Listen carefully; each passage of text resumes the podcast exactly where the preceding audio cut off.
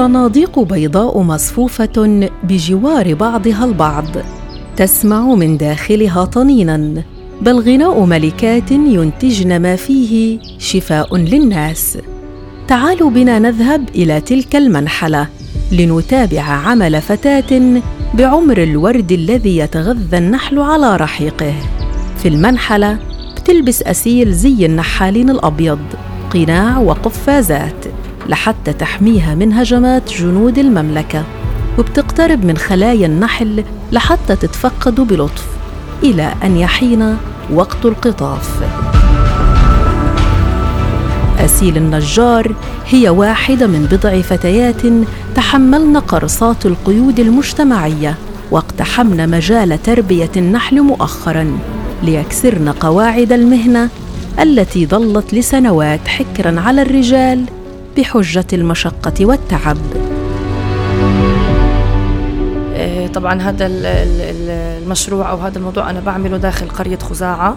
هي قرية حدودية. من البداية يعني من سنتين من ما بلشت موضوع الزراعة اللي هو كان أساس موضوع النحل كان آه، يعني الناس معترضة إنه كيف أنت كصبية تكسري هاي الحواجز وتعمل هيك شيء معروف إنه هاي المهنة آه، بشكل عام اللي بيعملها رجال زي ما حضرتك تفضلتي.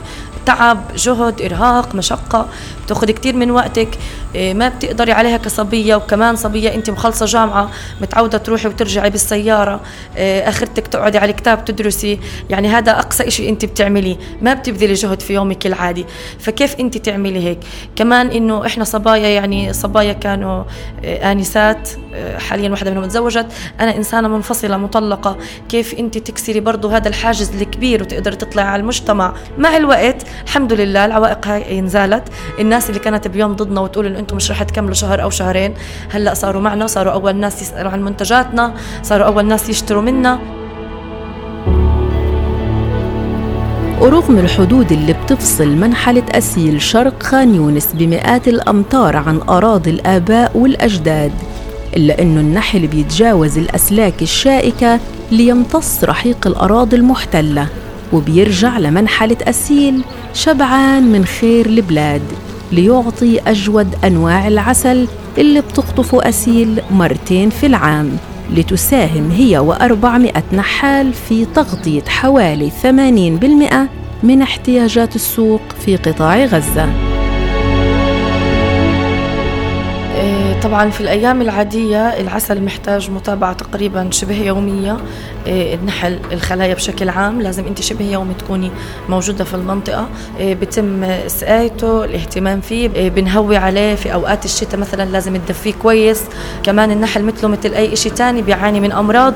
هلأ بالنسبة لوقت الموسم تبع القطف بتحتاجي يوم كامل طبعا. بتروحي من أول النهار بتتفقدي أول شيء الخلايا بشكل عام. شوية شوية بتبلشي تمشي على صندوق صندوق بتطلعي البراويز بتكي النحل الموجود. بعدين بناخذهم لمكان آمن. أبعد شوي عن المكان اللي موجود فيه الخلايا. المكان هذا بيكون عندك كذا أداة من ضمن الأدوات هذه.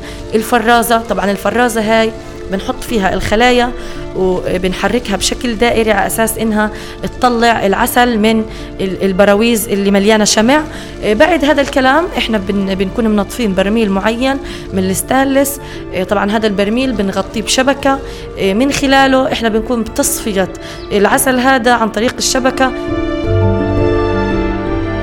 ليس العمل فقط لمجرد العمل وإنما التجويد في المنتج هو هدف أصيل.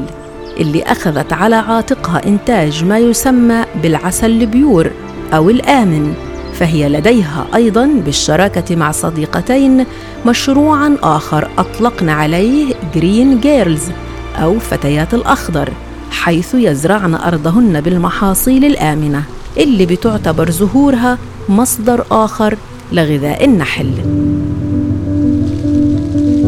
بيفرق عسلك عن أي عسل تاني في طريقة تغذيتك للنحل. يعني في ناس بتقطع السكر قبل مثلا يومين. طبعا هذا بيكون نسبة السكر عالية في العسل نفسه لما تيجي أنت تفحصيه في مختبرات معينة للفحص. ممكن تقطعيه قبل بأسبوع. في ناس بتقطعه قبل أسبوعين. أنا مثلا بقطعه قبل شهر.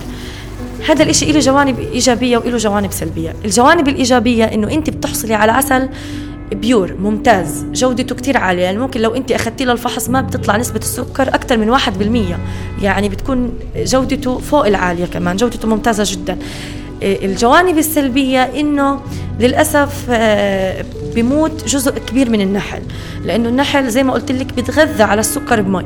ففي ممكن نحل كتير يكون كسلان مش حابب يطلع من الخلية مش حابب يروح هو يتغذى على زهر الورد تعود على السكر. فلما ما يلاقيه موجود ما بيطلع من الخلية فبالتالي بيموت هذا النحل الموجود. هالمهنة مش جديدة في قطاع غزة. وإنما منذ القدم والمزارعين بيهتموا بتربية النحل فكانوا يربونه داخل اواني فخارية بيسموها قواديس. كانوا بيصنعوها من الطين والقش وبتوضع فوق بعضها البعض في البساتين. ولكن للأسف فالاحتلال الإسرائيلي اللي بيحاصر قطاع غزة ولديه شهية واسعة لمحو حتى المهن المتوارثة هو العثره الكبيره أمام تطوير المناحل. حتى أصبحت تربية النحل من أكثر القطاعات الحيوانية تضررا. فتراجع عدد خلايا النحل في قطاع غزة من ثلاثين ألف إلى عشرة آلاف خلية. وهذا كله بسبب أنه معظم المناحل بتتواجد على الحدود الشرقية لقطاع غزة. وهذا بيعرض أسيل وباقي النحالين لإطلاق النار من حين إلى آخر وإطلاق قنابل الغاز. إضافة إلى سيطرة الاحتلال على الأراضي الحدودية الشاسعة حيث آلاف الدنمات من الأشجار فيقوم برشها بالمبيدات الحشرية دون سابق إنذار مما يتسبب في نفوق النحل. نحن بنعاني جدا من آه، عدة مشاكل من أهمها قربنا من السياج الحدودي فبالتالي بيكون عندك رش من قبل الاحتلال للمبيدات اللي بتأذي آه، نحلك وبتأذي كمان زرعك. حتى بيأذي الزهر اللي بتغذى عليه النحل. آه للأسف هذا الإشي ضار جدا. بقتل عندك كمية كبيرة من النحل. آه ببطل عندك زهر النحل يقدر يتغذى عليه كمان. آه بتعرضيه لسموم قاتلة. برشها طبعا بدون سابق إنذار بدون أي تنبيه. وأنا كشخص أصلا بنضر من الغازات. يعني أنا كتير أوقات بتمر علي بشم ريحة غاز بشكل مفاجئ. ما بقدر أروح لنحلي. بدون أي سابق إنذار. في أي وقت أنت ممكن تسمعي صوت إطلاق النار آه عن طريق الرشاش الآلي اللي إحنا بالبلد بنحكي عنه القلبة هي مقابلك على طول. في أي لحظة أنت ممكن تسمعي صوت إطلاق النار. كل اللي بعمله بنبطح على الأرض أو بأي آه، لحظة أنا بقى بلاقي حالي قادرة أنه أطلع من الأرض بنسحب منها بشكل مباشر وبترك أي شيء ورايا. ممارسات الاحتلال المستمرة منذ سنوات من حصار وإفقار وتجويع. هي اللي دفعت الفتاة التي لم تبلغ الثلاثين بعد لخوض غمار هذه التجربة لتصبح مصدر رزق لها ولعائلتها بعدما ظلت لسنوات تقف في طابور البطالة في رسالة تحملها أسيل مع عسلها اللي بيجوب أنحاء القطاع إنه النساء قادرات على خوض غمار أي مهنة مهما صعبت. وإن الاحتلال مهما تجبر في حصاره وتضييقه فإن الشباب الفلسطيني قادر على الصمود والتحدي. بداية رسالتي لكل صبية آه، قاعدة جوا البيت ومسكرة حالها الباب وبتستنى الوظيفة تدق بابها.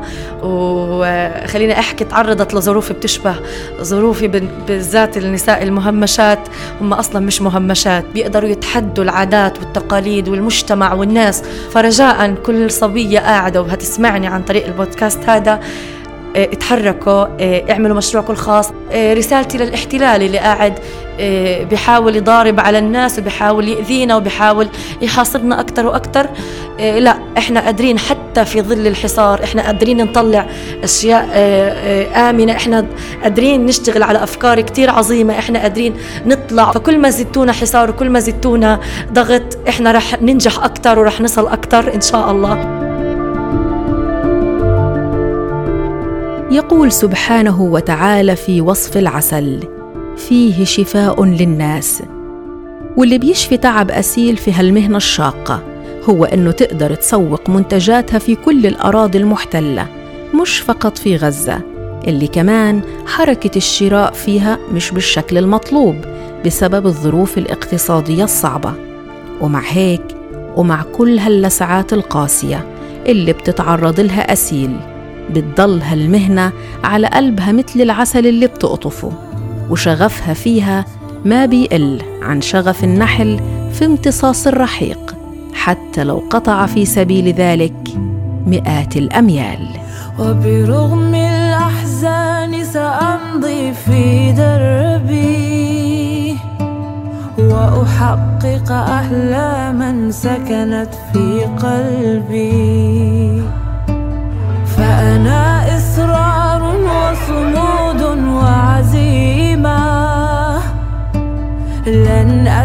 استسلم ابدا يوما لهزيمة. بودكاست على حافة الحياة. إعداد وتقديم حنان أبو دغيم. إخراج صوتي خالد النيرب. همة قلبي أقوى من